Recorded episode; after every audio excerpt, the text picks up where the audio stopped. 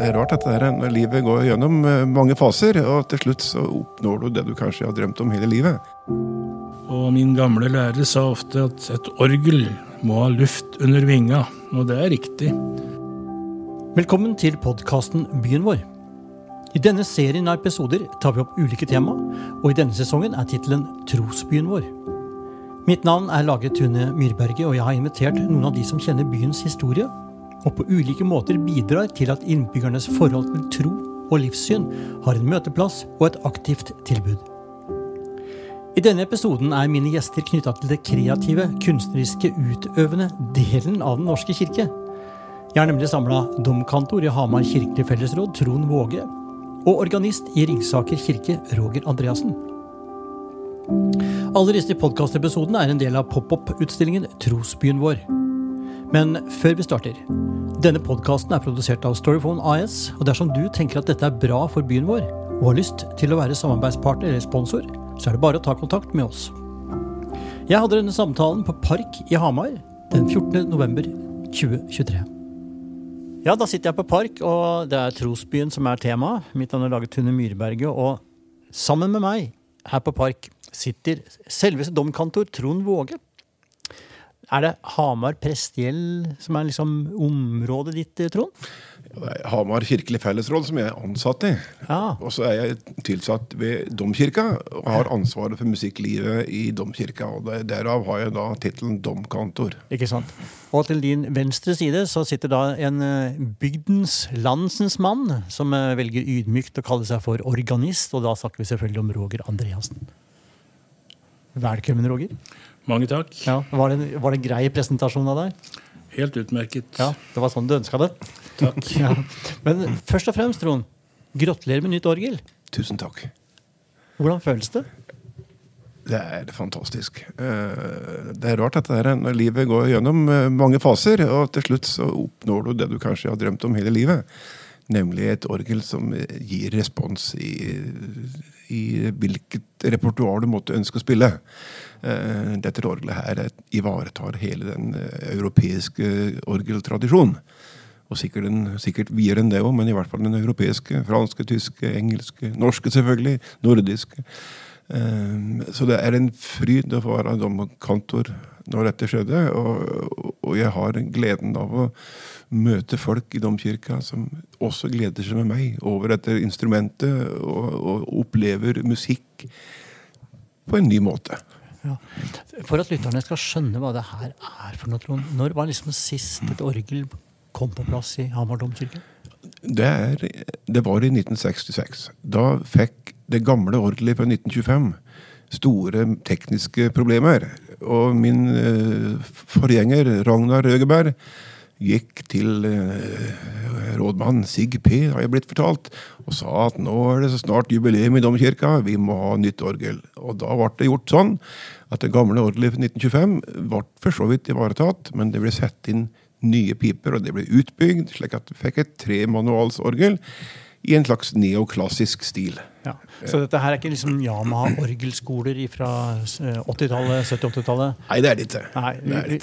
Hva er det vi egentlig snakker om? Kan du liksom beskrive eh, hva et sånt orgel er? Det er jo ikke et elektronisk orgel, men kanskje litt, men det er et fysisk akustisk instrument? Det er et fysisk akustisk instrument tuftet på gamle eh, tradisjoner tilbake til 1500-1600-tallet.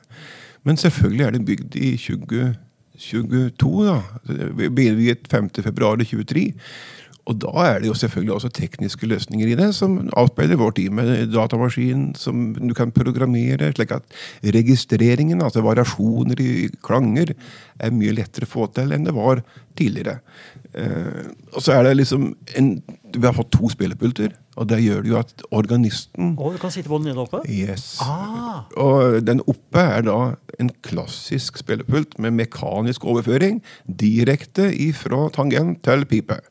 Og det er veldig flott å spille på når du kan spille eh, barokkmusikk. En musikk som har litt mer sirlighet i seg. da. ja. Eh, og så har jo den spillepulten nede, som er har en elektrisk overføring opp til galleriet, der pipene fortsatt står. Eh, og da kommer jeg selvfølgelig da i mye større nærhet til det som skjer i kirkerommet. også en annen bonus for meg som jeg syns er fantastisk, som jeg lever i hver dag, er at jeg da altså hører orgelets klang i rommet. Ja? Akkurat som Ja. alle andre som er i kirka, hører det. Og det gir meg en, eh, en annen type opplevelse enn den orgellyden som er på galleriet, som er noe mer direkte, naturlig nok. Ja. Og der sitter du også og ser på presten i bakspeilet, nærmest. På galleriet gjør jeg det. Ja, galleriet. Ja, og nede så kan jeg Denne spillepulten går jo på hjul, så det er bare å skyve litt på den, så, jeg, så jeg kan se inn mot alteret og sier langt presten har kommet i sin liturgi. da. Ja. Spiller ballen over til deg, Roger. Eh, apropos sitte i salen sammen med besøkende i kirka. Eh, du sitter jo for tida på grunnplan i kirka du òg spiller. Ja, det har jeg gjort nå siden mars i 2021. Og det er jo veldig fint å være blant de syngende. Men jeg savner jo sårt da, et uh, gedigent uh, orgel plassert på vestveggen, og så høyt som mulig. For det er en empirisk sannhet at jo høyere et orgel plasseres i et kirkerom med god resonans, jo bedre klinger det. Akkurat. Apropos det, Roger. Du, I en tidligere samtale vi hadde, så nevnte du noe om plasseringen av orgelet i den gamle Hamardomen. Ja, det er jo ingen av oss som veit. Man kan bare drømme. Men uh, ved utgravninger og restaurering av ruinene så fant man for snart 100 år sia et tredvetalls uh, orgelpiper. Flatklemte piper med høyt blyinnhold. Og eh, det er vel all grunn til å tro at de kom til Hamar i hvert fall i god tid før reformasjonen i 1537. For de siste åra før reformasjonen i Danmark-Norge var urolige tider, og jeg tror ikke det var en tid for de store investeringer. Eh, Så det er kanskje et orgel som har kommet i ja, slutten av 1400-tallet, begynnelsen av 1500-tallet, og det har ikke vært noe stort orgel. Vi hadde meg bekjent ingen norske orgelbyggere, så det er jo et importert orgel, og det koster penger. Så var det sannsynligvis et lite orgel, et slik et svaleredorgel, som det kalles. Ja. For de var plassert um, høyt i kirka i forbindelse med søyleverk, overgang fra søyle til arkade, og lite pulpitur, et orgel, og det ble høyst sannsynlig ikke brukt til salmesang. Salmebok fikk vi jo faktisk i Norge først i 1569. Før den tid så det var jo a det var en, Presteskap og korgutter. De sang tidebønnen, og, og, og ved søndagsmessen så var alt ble nok sunget. Orgelet ble trolig brukt til prosesjonsmusikk, og kall det gjerne til unnskyld uttrykket, litt teatralske effekter. ja, ok. Litt sånn som på, sånn som på ishockeykamper i dag. Ja, det er eh, Jeg har aldri vært på en ishockeykamp. Det er et byfenomen. ja, der slapp du unna. Landsens mann. Det er morsomt det er hvordan orgel på en måte har fått en rolle i idrett, særlig amerikansk eh, toppidrett. Å spille dramaturgien, dramatikken. Det er jo lang tradisjon for at de ble brukt bl.a. ved show. At de hadde såkalte kinoorgler, Wurlitzer teaterorgel. Og da satt organisten da på et podium som var i orkestergravhøyde. Og så ble han heist til værs og spilte en overtyre som innledning til aftenens forestilling. Det var gjerne et potpurri over tidens melodier, og det var veldig avansert. Vi hadde vel ikke noe slik i Norge, men skal ikke lenger til Stockholm og Danmark, så hadde de eh, kinoorganister. Og de, hvis en kirkeorganist trenger simultankapasitet, så måtte kinoorganisten ha det til de grader. De betjente jo da på det instrumentet både et pianoklaviatur, orgel med piper, slagverkseffekter, togfløyter, sirener og alt som skulle illudere. Så det gjaldt å ha tunga rett i munnen. Og mange av dem var riktig gode. Men kom manus på hva de skulle gjøre sammen med filmene den gangen? Eller måtte de bare se på filmen og respondere umiddelbart? Det gjorde de nok i, i stumfilmens første dag, men etter hvert så ble det utgitt da, serier av stumfilmmusikk. Kataloger. Ja. Og um, hvor alle jaktscener. Sentimental brud het bryllup. akkurat der.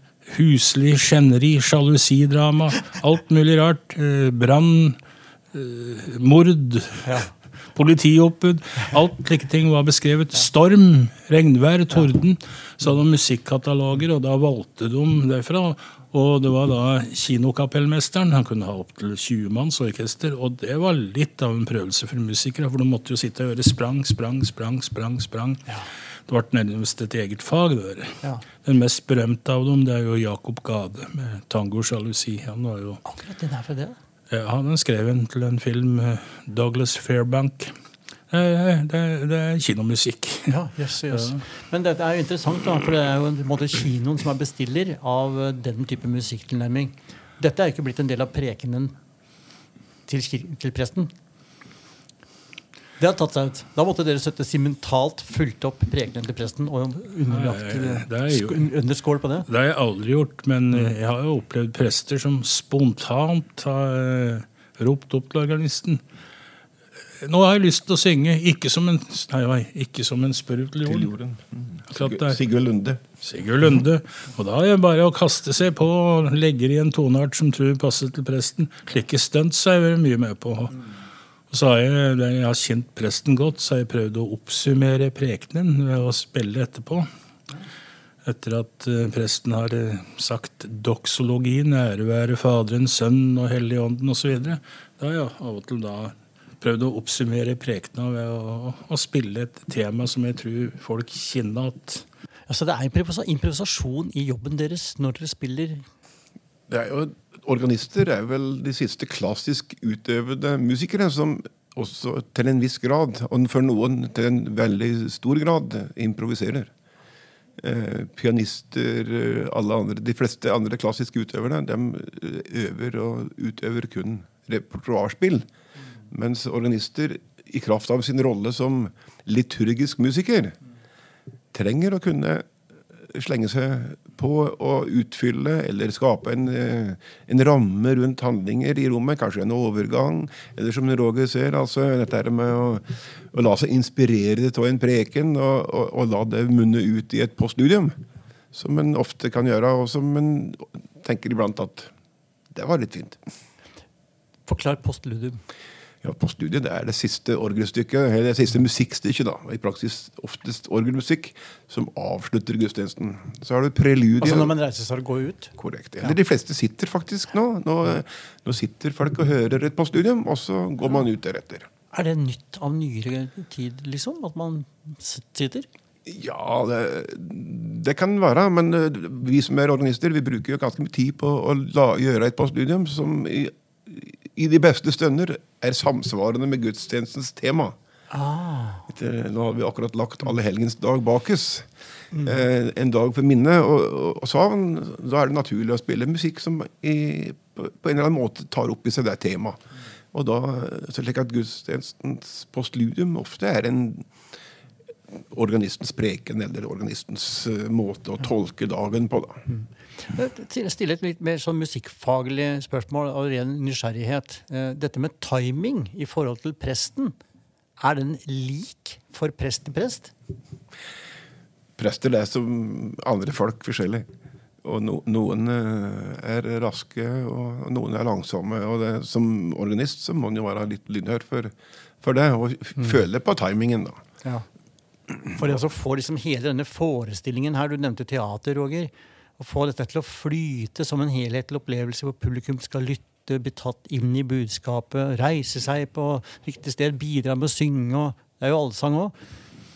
Da er det viktig å ha situasjonsfornemmelse, for gudstjenesta blir jo til der og da. Det er ikke alltid en forløper som ønsket, men andre ganger kan jo forløpe mye bedre enn hva du våger å håpe. Men det er viktig å være vaken, som en eh, Trond sier.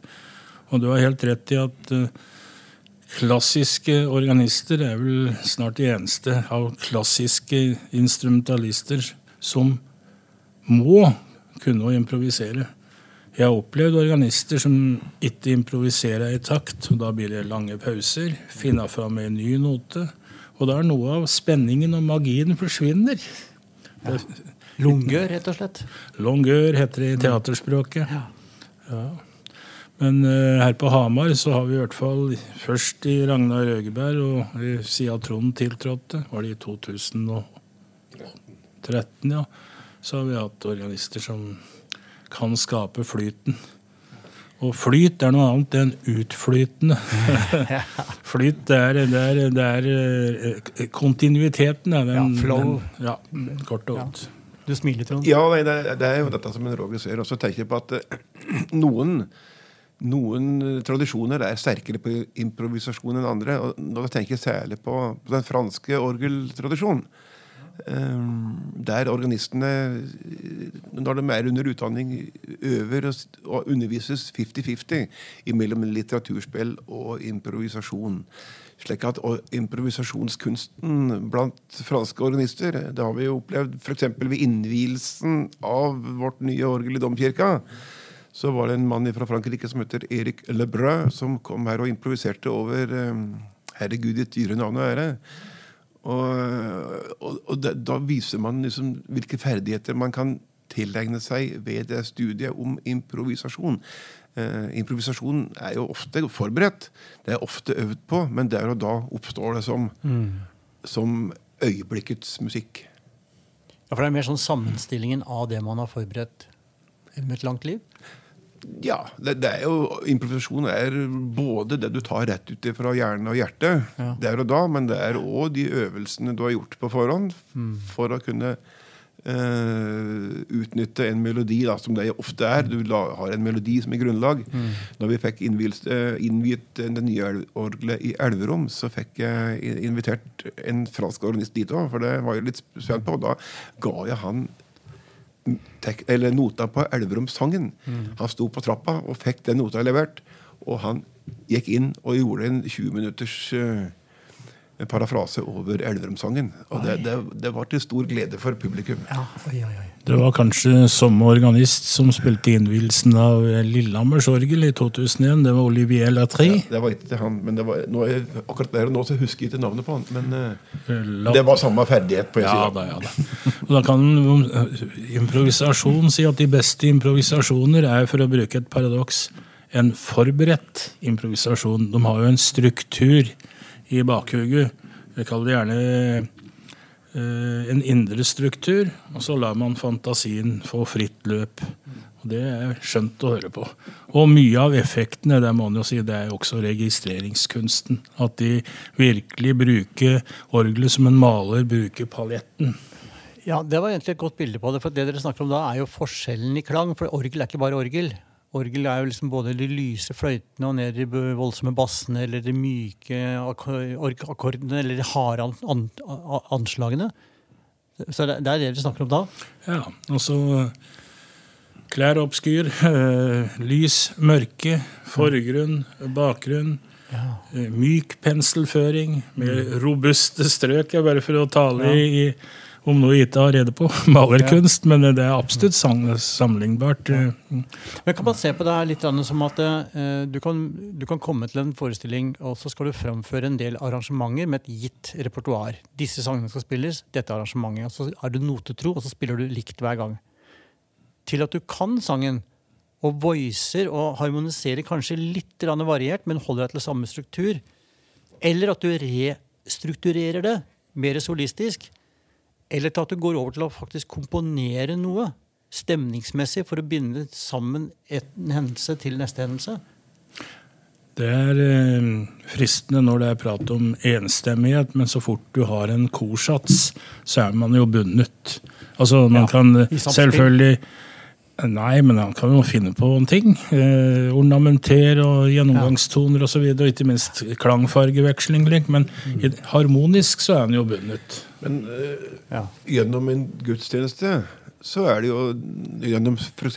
salmespillet Ja. så er det jo iblant fristende å, å bruke litt mer farger enn den firstemte korale satsen som står i koralboka. Nemlig. Jeg tror både Roger og jeg kanskje fusker litt i det faget. At vi, Ja. vi tenker at nå er vi på femte verset, kanskje det er på tide å, å gjøre en annen, eller ha en annen sats. Som, Ja. som vi organister kaller det. En sats har ikke med hjemmebrenning å gjøre, men det har med den, den, Den, den firstemte koralen. Eller eh, å være hopper. Ja, interessant. Vi har en engelsk eh, kollega bosatt i Brumunddal. Vi kjenner begge. James Dickinson. Han lar seg rive med av oppbygninga i salmer fra vers til vers. Og han tar en sjarmerende blanding av norsk-engelsk. Når jeg kommer til last words, jeg blir rødere og rødere i ansiktet, og jeg begynner å puste tungt og trekker ut bason og legger på fetere og fetere akkorder. Ja, så, så det, er, det er jo kult. Man skal være man skal være varsom, og man skal ikke for overforbruke virkemidler. Men, men eh, jeg mener at der er det i hvert fall den muligheten man har til, til å fargelegge. da. Mm. La oss si, si det. altså Et, et jubelvers eller et innadvendt vers Ja. kan jo spilles på ganske forskjellige måter. Men hvis du tenker da at dere, dere sitter i kirka, jobber som organist, eh, og du spiller nå et stykke hvor, hvor publikum skal lytte til deg. Da er du jo veldig fri til å by på hele uttrykket. Men det blir jo ganske annerledes når du nå har i oppgave å få med deg denne menigheten til å synge sammen med deg. Hvordan fisker dere på en måte fram menigheten, publikummets ønske og vilje til å være med? Hvordan leder dere rytmisk for å få framdrift i det? Jeg har ofte tenkt at å være organist eh, i, i gudstjenesten eh, Det handler jo om å være dirigent uten å bruke dirigentens fakter. Eh, og det er jo en, Hvilke virkemidler har du igjen da? Jo, da har du igjen tempo, så klart. Du har igjen rytme, som er helt avgjørende. Puls, altså. Den, og du har igjen pust. At pusten er organisk. Og så øh, På et godt orgel, da, som jeg er så heldig som besitter i, i domkirka, så er det mange stemmer som kan brukes som solostemmer. Altså Jeg kan spille Jeg har jo f.eks. en trompet i, i orgelet som er pregnant og ganske tydelig. Og hvis en melodi er ukjent, så kan jeg bruke den som en ledsagende melodiførende stemme. Som gjør at det er litt lettere å, å henge med.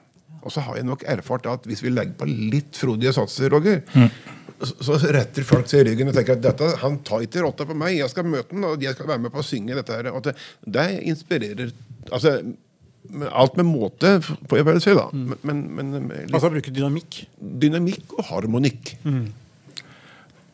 Det er helt riktig det du sier. Og så er det en annen ting som er veldig viktig. At pulsen går mellom versa. Slik at det er forutsigbare opptakter eller enere. Og der må vi kunne si jeg har vært på mye gudstjenester. og jeg beundrer de menigheter som klarer å synge med en urytmisk organist. Dette høres veldig sjølgodt ut, men rytmesans er veldig viktig. Og som han sier, vi er dirigenter uten taktstokk. Da må menigheten kunne stole på oss. Ja, akkurat dette der er et så viktig poeng. altså Det høres helt selvsagt ut, men når du kommer og skal gjøre det, så må du faktisk tenke gjennom det for hver gang. Det er ikke noe du kan ta på, på Skal det være to slag imellom? Skal det være ett slag imellom? Skal jeg bare gå fortløpende? Det er sånne ting som du må reflektere over når du skal lede fellessang. Kan det være faglig utfordrende for dere? At dere jobber så mye sammen med en slags umusikalsk masse av treghet at dere kan miste litt timing sjøl? Det handler om å ta litt ledelse. Eh, Ja. Den umusikalske massen kjenner jeg ikke så godt etterpå, faktisk. For folk er veldig en, en, engasjerte. Og, men med god ledelse. Altså Å lede en gudstjeneste, det er Jeg vil jo tro at det er mer dynamisk, organisk i timing da, i forhold til vestlig popmusikk som går liksom Selvfølgelig. Ja. det har du nok, det har du nok rett i. Eh, Men der er dette her som vi snakker om, altså dette med puls, gjennomgående puls vers, mellom vers og vers og i, i salmen. Eh, Så, så opplever jeg at folk eh, Puls, ja. catcher det, altså. Ja, Jeg hører at puls er et godt ord også, for det er organisk. Ja, det, ikke sant? Det, det, er ikke, det er ikke mekanisk. Nei. Innpust og utpust. Jeg husker ikke om jeg nevnte, spurte deg, Roger, men du sitter jo og venter på et nytt orgel, du. Ja, det har jeg gjort siden 2014, og det kan jeg takke meg sjøl for. For det var jeg som tok initiativ til orgelaksjon. Fikk Trond av ti initiativ først på Elverum, så, i, så på Hamar. Men eh, om ganske nøyaktig et år så innvies orgelet. 2. og 3. november i 2024, og det er svært etterlengtet. Og da Det da lytteren selvfølgelig lurer på, Roger, er hvor høyt opp blir det til orgelplassen? Tja, det vil vel bli sånn rundt eh, fire meter fra kirkegulvet og opp til gallerigulvet, tenker jeg. Ja, så det nærmer deg liksom dom, domkirkeruinens eh, antatte, kanskje dersom at det viser at det er høyde? Det tror jeg neppe. Men eh, jeg har jo en dimensjon som mange organister savner. En rik og raus eh, etterklang. Ja, det har du i Ringsaker. For det er i Ringsakerkirka du sitter og jobber. Ja, er og der har vi etterklang. Der uh, Sjøl med fullsatt kirke der, så er det mye å gå på. Og min gamle lærer sa ofte at et orgel må ha luft under vinga, og det er riktig. Og Trond har jo sørget for at Hamar-orgelet får mer luft under vinga. Dere har jo gjort et uh, akustisk grep som du kan fortelle lyttere om. Det sies jo da at uh, akustikken er den siste stemma i et orgel. Du, du trekker aldri den, den har du, og den er du prisgitt. Rommet. Rommet. Eh, og vi gjorde akustiske målinger, i tillegg til at vi hørte det selvfølgelig med våre egne ører, at domkirka mangler litt på responsen i bassregisteret. Altså, Basstonene ble for svake i forhold til diskanttonene. Det er for så vidt vanlig i de fleste rom, kirkerom. Hvorpå vi fikk en, en, en akustisk måling av et firma fra Oslo som påpekte at hvis vi la gipsplater i taket i det, på de områdene det var mulig å gjøre det, så ville vi stramme opp eh, um, veggene, slik at responsen av de ba tunge basstonene Blir slått tilbake. Ja. Og dette har jo faktisk uh, fungert forbløffende bra. Eh, så Rom, Hamar domkirke er noe et, uh, det, er ikke, det har ikke den etterklanglengden som, som Ringsaker eh, kirke har. Som jeg for øvrig må si at det er fantastisk. Men akustikken i domkirka er det vi kaller likeverdig på alle frekvensområder. Og bare nå sist eh, ja, nå, som jeg sa i stad, jeg vil rundt helgens eh, tid når vi snakker om dette. Så hadde jeg konsert med Det Norske Solistkor. Eh, Grete Petersen, dirigenten der, hun er altså så begeistret for å komme til Hamar domkirke nå, etter at vi gjorde dette her, fordi at alle stemmene, stemmegruppene i koret nå gis gode gode og likeverdige forhold. ja. Du kan supporte og støtte hele registeret. Det, det, det er blitt et utrolig fint rom. Ja. Dette er jo listepasning til dere som lytter på dette her, at dere må jo komme dere i Hamar domkirke og høre orgelet sånn som det faktisk er. Og etter hvert om et år med å søke Roger i Ringsakerkirka.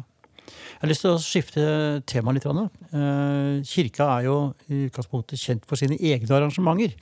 Men senere år, eller liksom opp gjennom historien, da, senere moderne tid, så har det blitt mer og mer åpent for andre musikere og andre artister som kommer inn og spiller. Og da har det jo vært, historisk vært mer sensur. Hva tenker vi om sensur av repertoar som fremføres i kirkerommet, og for å bevare kirkerommets betydning? Og hvor beveger vi oss i framtida? Uh. Eh, altså, kirkerommet er jo et vigslet rom til bruk for gudstjenester og kirkelige handlinger. Og så er erfaringen og praksisen at vi bruker kirkerommet til veldig mye mer enn akkurat det. Um, så, og vi har jo gjennom de 40 åra jeg har jobbet som organist, fått en ganske mye åpnere holdning til det som kan framføres i kirka. Noe jeg mener er bra. Eh, vi må være glad for at kirkerommet er et, et rom som favner livet. Favner det, det, det livet som leves rundt omkring oss.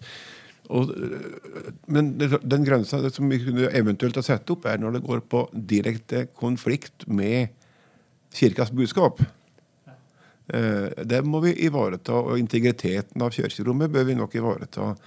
Men eh, jeg, jeg har aldri, eller i hvert fall kjempelenge siden, vært i den situasjonen at de har sagt at dette passer ikke folket på Hedmarken og i Østerdalen som, og Trysil, som jeg er ifra, vi har stor respekt for kirka. Det kirkerommet, der vet vi at det er der vi lever de, de, de mest eh, sentrale eh, Det er der vi opplever de mest sentrale ting i livet vårt. Ja.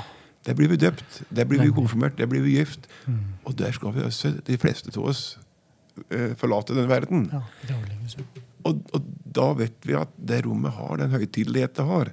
Så jeg har aldri opplevd at folk vil komme og gjøre øh, ting som jeg ikke tenker at øh, kirkerommet tåler. Mm. Dette er sikkert du enig i, Roger? Ja, nå er det nok eh, forskjell på dalførene i Norge og de brede bygder ved Mjøsa. Kulturhistorikeren eh, Ivar Kleiven han sa en gang at eh, på Heidmarken finnes ikke kultur, det er bare peing. Derimot i dalføra av Tverrdalene, Østerdalen, Sør-Østerdalen med Trysil, Gudbrandsdalen, der var det folkelig kultur. Mens vi her på Hedmarken har vært mer prisgitt import, da, og sikkert at vi er veldig fine på det og hyllet det dansk, tysk, engelske. Men eh, jeg har heller aldri liksom måttet sensurere. Jeg mener du kan gå foran med et godt eksempel sjøl og vise folk hva som du tror er god musikk, og som de bør ha. Det er en som sier at du skal gi folk hva de vil ha, og hva de bør ha. Og noen ganger skal vi gi folk det de ikke vet at de vil ha. Nettopp. Det er ofte en ganske spennende sak, eh, der folk får opplevelser som de var litt uforberedt på. Ja. Jeg hadde nå en gudstjeneste nå sist søndag hvor det kom en dame gråtende fram mot uh, Gudbrand Aasen og meg, som hadde ledet det musikalske i, i, i gudstjenesten, og sa dette, dette må vi ha mer av.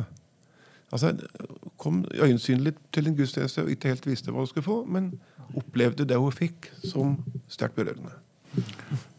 Jeg opplevde noe lignende nå om søndagen, hvor vi hadde vårt fulltallige kantoriorgel. Det kom så mange så det var litt kraft og trøst i musikken deres. Og det var vi jo mange av oss, da. Vi var jo 28-30. Og slik er det hyggelig, og særlig hyggelig er det for korsangere som bruker en kveld i uka på korprøver og bruker ja, verdifull helgetid på å synge kirkens budskap.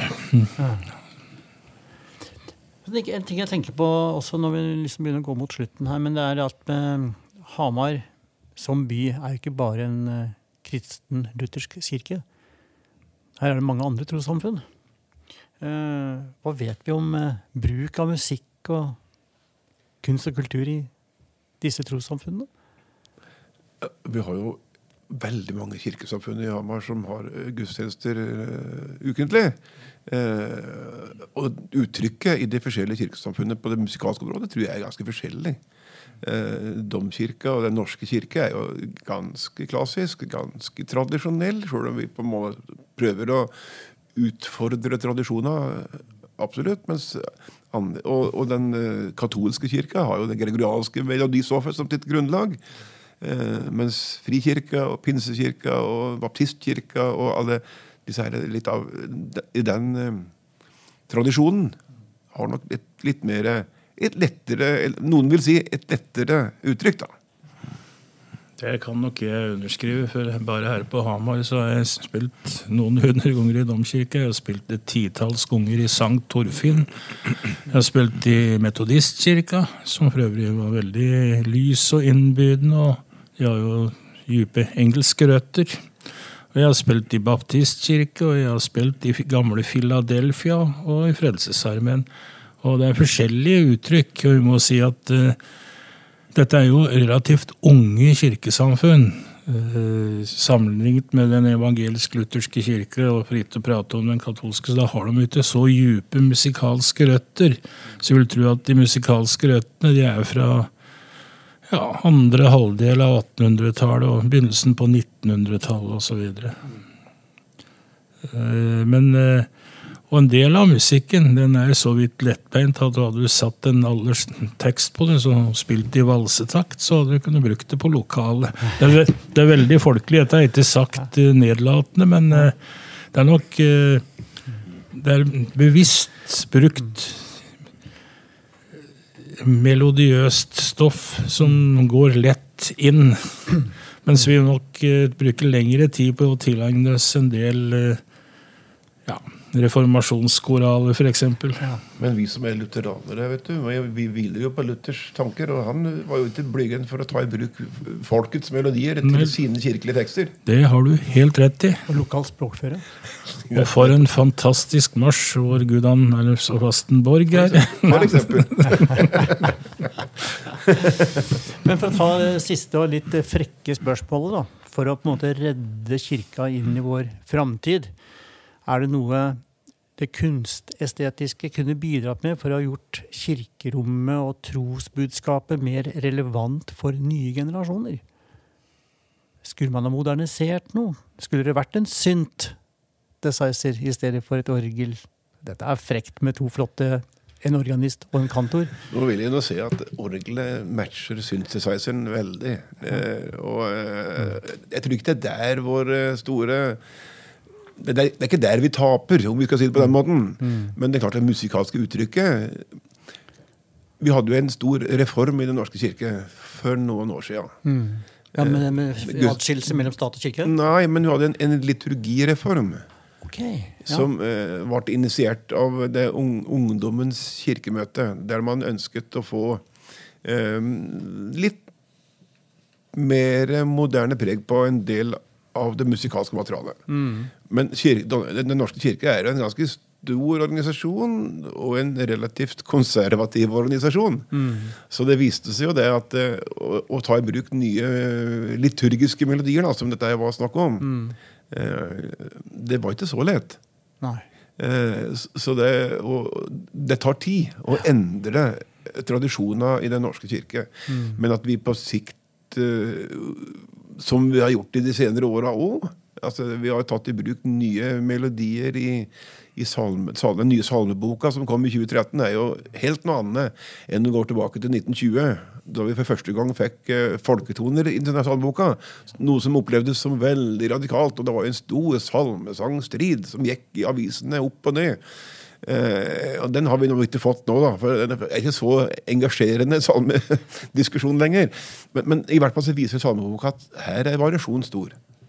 Eh, og vi som organister, vi, vi står jo hele tida i krysningspunktet mellom det nyskapende og det tradisjonelle. Eh, så det blir spennende å følge med framover. Jeg ser jo bare på i gravferdsspill og i vielser der har, der har vi flyttes milevis ifra den når jeg begynte, og til nå. Eh, her er det åpent for Ja. Jeg skulle nesten se for det meste. Det kan jeg ja. understreke at det har skjedd.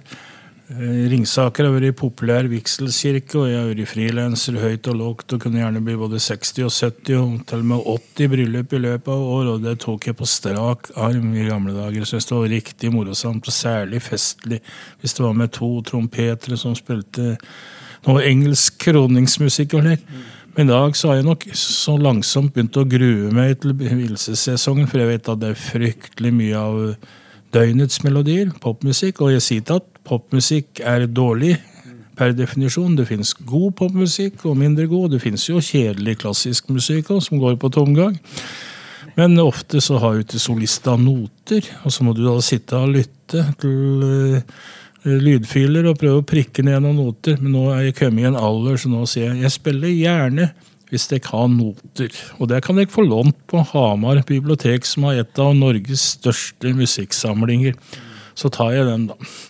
Det, men eh, det jeg før gledet meg til, da jeg så smått begynt å grue meg for. Og det er minst sant det eneste jeg gruer meg for i hverdagen. Så er det et uh, bryllup hvor det er noen totalt ukjente ting som er skrevet i 2023. Ja, men jeg, jeg, må jo samtidig berømme våre kolleger som jeg opplever at, uh, som deg og Roger, strekker seg langt for å være folkets tjenere. Og vi skal jo òg være det. Vi skal forvalte kunsten, vi skal forvalte tradisjoner. Men til slutt så er det jo i møte med folk at vi må vise at vi er relevante, da. Uh, og jeg har jo altså hatt mange opplevelser rundt, eh, rundt, dette her, eh, og iblant tenkt at dette her eh, får vi noe ikke til, eller dette her finnes det ikke noter på. Men vi må Ja. Det er den tradisjonen som, eller den veien tradisjonen har utviklet seg. At vi har tatt inn Det er jo særlig film, den amerikanske filmindustrien. Jeg vet, jeg vet, ikke hvor mange ganger jeg har spilt All You Need Is Love i Hvilelse i Samar. Ja, den, den har jo gått på en film som mange husker. Eh, og, og Der er det folk henter sine, og jeg sier ikke noe galt om det. det er noe, ja. ja.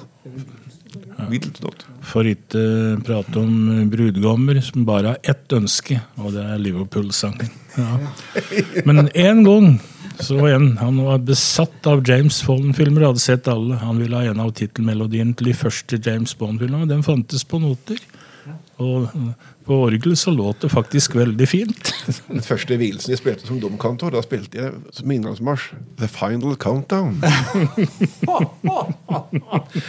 jeg lurte mye på hva det var for noe, egentlig, men jeg prøvde så greit jeg kunne. Det er noen som vil ha 'Som det blir Prince vil komme'. Som brudevals. Ja da, det, det kan det være. Teksten er ikke helt der, da. Siden du nevner brudevals. Det het om gamle organist Tingstad i Åmot kirke. Det er Toleif Kildes praktfulle kirke der på Rena. At han hadde ikke rare repertoaret, og til bryllup så ble det gammel brudevars fra Solør, nedtegnet av kaptein Nordgren. Opp att og opp att og opp att. Men den er fin, den. Ja. Du, bare eh, helt til slutt. Eh, Bare, hvilken roller har dere også i forhold til det med å drive kor i stillingene deres? Jeg har jo ansvar for Hamar domkor. Og når jeg var i Elverum i nesten 30 år, så hadde jeg ansvar for kirkekoret Kantate Dommen også. Jeg har, drevet som kirkekordirigent uavbrutt i 40 år. Eh, og eh, har store, flotte opplevelser med det. Og så er det samtidig å, å stå foran og lede. Det er jo en krevende rolle, det òg. Altså på mange, mange henseende. Men det er en fantastisk glede å kunne få møte folk og være sammen med folk. Og eh, strekke seg så langt vi klarer. Og, og, og ha musikalske opplevelser. Og litt ambisjoner kanskje også? Ambisjoner, selvfølgelig. Vi, altså, dom, domkirka vi har jo ambisjoner om å holde et bra nivå. Og vi skal framfor alt òg ivareta tradisjonen, samtidig som vi skal, som jeg sa i sted, stå i dette brytningspunktet mellom tradisjon og fornyelse. Eh, Så jeg har bruker veldig mye tid min, i min stilling på kor. Både på de store konsertproduksjonene, men ikke minst på det gudstjenestelige. Domkoret synger jevnlig på gudstjenester i små grupper. Jeg deler koret i tre, og, og de synger gudstjenester på turnus, får jeg nesten si, altså, for å ivareta og utvikle det liturgiske arbeidet i, i domkirka. Men sånn som Praising, da. Det er vel også en del av kirka? ikke det? Er eh, Ungdomskoret? Ja, de, de holder til på Ynglingen. Og er i samarbeid med Hamar menighet. Og de òg deltar på, på gudstjenestesang. Og har eh, for øvrig sine aktiviteter knyttet til Ynglingen. Er det noe barnekorsang? Det er det òg. Vi, vi, eh, vi er, har et barnekor som øver i Storhamar kirke på mandager. Og, eh, og de bidrar selvfølgelig på gudstjenester, men òg selvfølgelig på mange andre områder. Og sikkert mye med variasjon i repertoaret. mye variasjon. Ja. Åssen er dette på Ringsaker, Roger? Ja, jeg har jo tidlig i livet erkjent at det ikke er Guds gave til kordireksjon. Jeg kunne sikkert stått og dirigert kor og vært en meget middelmådig dirigent, men jeg har arbeidet aktivt i og med kor fra mitt 14 år. og jeg tror ikke det er så fryktelig mange organistpianister som har komponert så mange kor i så mange kommuner i, i, i, i Innlandet. Og i Ringsaker kantori der har vi alltid hatt gode eh, profesjonelle dirigenter. Og jeg har jo vært på praktisk talt 100% av øvelsene. Jeg legger jo repertoar, jeg skriver arrangementer, jeg er repetitør og akkompagnatør, og jeg puster med sangere. Ved Ringsaker kirke har vi nok ikke eh, så hyppig gudstjenestesang med kor som Trond har gjennomført i Hamar domkirke. Det er for øvrig noe som Trond har etablert på Hamar. Det var ingen særlig sterk tradisjon i Hamar domkirke før de tid med jevnlig gudstjenestesang, altså med korgrupper som et liturgisk instrument. Det må si jeg har skutt fart. Men vi har jo ti-tolv gudstjenester i året med kormedvirkning i Ringsaker. Og er det ikke kantori, så er det et vokalensemble som heter Kantarell. Som synger hver fjerde måned, og jeg blir like forbløffet hver gang over hvor godt det klinger under Anna Sundstrøm Oteviks eh, hender. Men apropos det med kor. Anna Lindhjem det var en norsk kvinne som utga to bøker. 'Norske orgler og organister', bind 1. Det er den du har med deg her, da? Er avtaleboka mi. Oh, ja. Og 'Norske organister', bind 2. Og der står det om f.eks. Ringsaker kirke. At eh, organistens lønn det og det, så og så mange hundre kroner, pluss offeret som kom i en annen juledag. Så står det 200 kroner til blandet kor i høytidene. Det var bevilgninger altså på 1890-tallet, og det er mange norske kirker. Hvordan disse blandede kora lød, jeg vet hvis de var sammensatt for anledning, så er jeg stille meg litt tvilende til eh, velklangen. Ja, Men eh, det var tydelig at det var budsjettmidler til kor i høytidene. Og den gangen, eh, for 100 år siden, så betydde jo selvfølgelig påsken og pinsen også mye. De er jo For en kirkemusiker så er det litt trist at folk stort sett er borte i påska. For det er jo da du virkelig kan fordype deg i fantastisk fint repertoar. da. Ja. Spennende. Nei, så kor er viktig, og jeg vil jo våge at med et god korgruppe, eller et, et godt kor, så kan du faktisk unnvære orgelet. Det, Ja, Men, men det skaper det livet i gudstjenesten som du kanskje iblant savner, eh, som, som du var inne på i stad, laget med, med dynamikken mellom organist og menighet. Eh, og korets medvirkning i, i, i, en, i en kirkelig setting er fantastisk, eh, og, og blir satt godt pris på. Eh, og i, tillegg til domkoret i domkirka så har vi òg et forsangerkor. Som ja forsangerkor. Forsangerkor. Og deres oppgave er eh, å, komme på gudstjenester der domkoret ikke synger, og primært lede salmesangen og liturgien. Det er ikke så mange som er der, men det er mange nok til at det gjør en stor forskjell og, og skaper en eh, bedre hverdag for organisten. i hvert fall. Ja. ja, bedre hverdag for organisten og for de som besøker kirka og er en del av det kristne budskapet. Ja. Eh, gutter, eh, Roger, du, bare avslutningsvis. Eh, dette bidraget du har hatt til alle disse korene opp gjennom historien, var jo også en del av grunnlaget for at du fikk Kongens fortjenestesmedalje. ja, det, Dette er ikke noe du snakker høyt om sjøl, vet jeg. Nei, det syns jeg ikke bør seg for en mann å prale av sine bragder.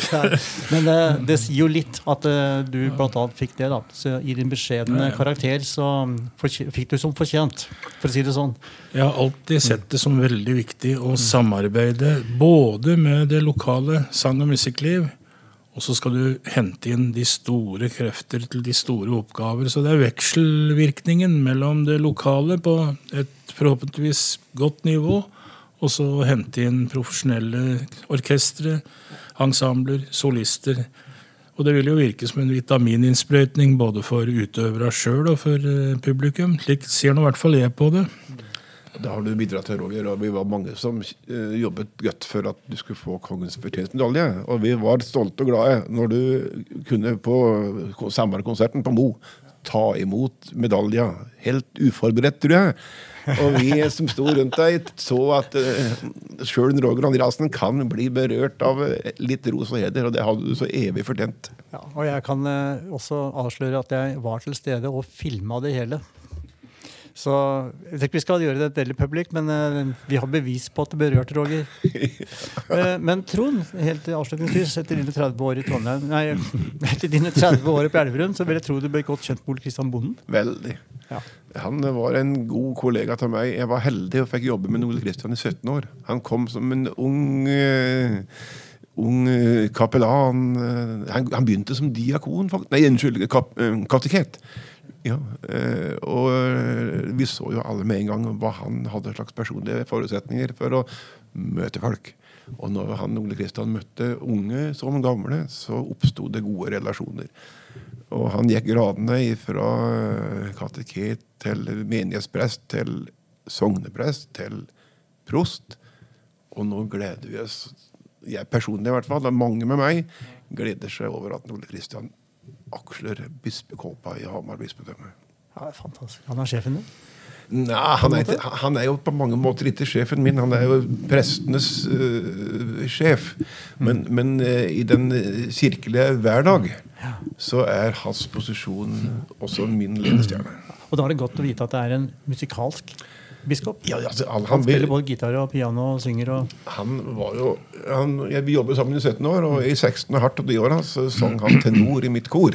Eh, og det var jo en glede hver eneste gang. Han er jo en veldig musikalsk eh, allsidig musikalsk mann. Eh, men da ble han jo plutselig glad i og, og Kanskje han var det fra før, hva, hva vet jeg, men å synge Bach og Mozart og Händel og Det var jo eh, Han eh, en av de mest dedikerte og trofaste korsangere jeg har hatt. Sammen med sin kone Irmelin, som er sogneprest i Vang. Ja, ikke sant? Hvis du som lytter er nysgjerrig mer på Ole Kristian Bonden, biskopen, så har jeg en nesten timelang podkastepisode som eh, ligger her hvor du nå lytter på denne samtalen. Roger, helt avslutningsvis, du lente deg framover mikken. Jeg aner at du hadde en liten tilføyning. Ja, som et eh, håndgripelig bevis på at Trond har vært en god musikalsk inspirator Ole Kristian Bonden, skal jeg nevne at Hamar biskop sjøl tok kontakt og spurte når Ringsaker, nye, Ringsaker kirkes nye orgel skal innvies, hvor han lyst til å komme og tjenestegjøre. Og det hadde han neppe gjort hvis han hadde hatt karrig kulturell kost i Elverum gjennom 17 år. Takk, Trond. Takk, Roger, for denne samtalen. Og takk til deg som har lytta. Takk for at du har hørt denne episoden av Byen vår, og en spesiell takk til Trond og Roger for å dele sine historier. Episoden er produsert av Storyfond, og du kan høre flere episoder der du lytter på podkaster. Dersom du tenker at eh, dette er et spennende tilbud for byen, så kan du ta kontakt og bli med som samarbeidspartner og sponsor. Vi høres i neste episode.